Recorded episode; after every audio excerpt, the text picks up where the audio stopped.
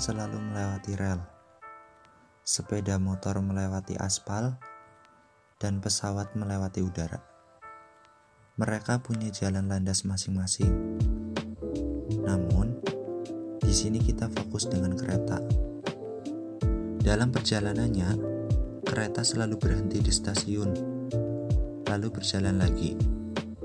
Berhenti di stasiun berikutnya, lalu berjalan lagi tidak ada ujungnya, kecuali kereta itu tidak digunakan lagi tentunya. Sadarkah kita itu seperti kereta akan selalu berhadapan dengan sebuah stasiun berupa cerita kehidupan. Kadang bahagia, pahit, bahkan sedih. Memang itulah hidup.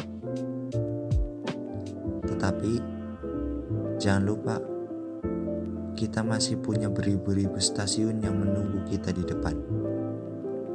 Perkenalkan, namaku Ivan, host sekaligus storyteller di saluran ini.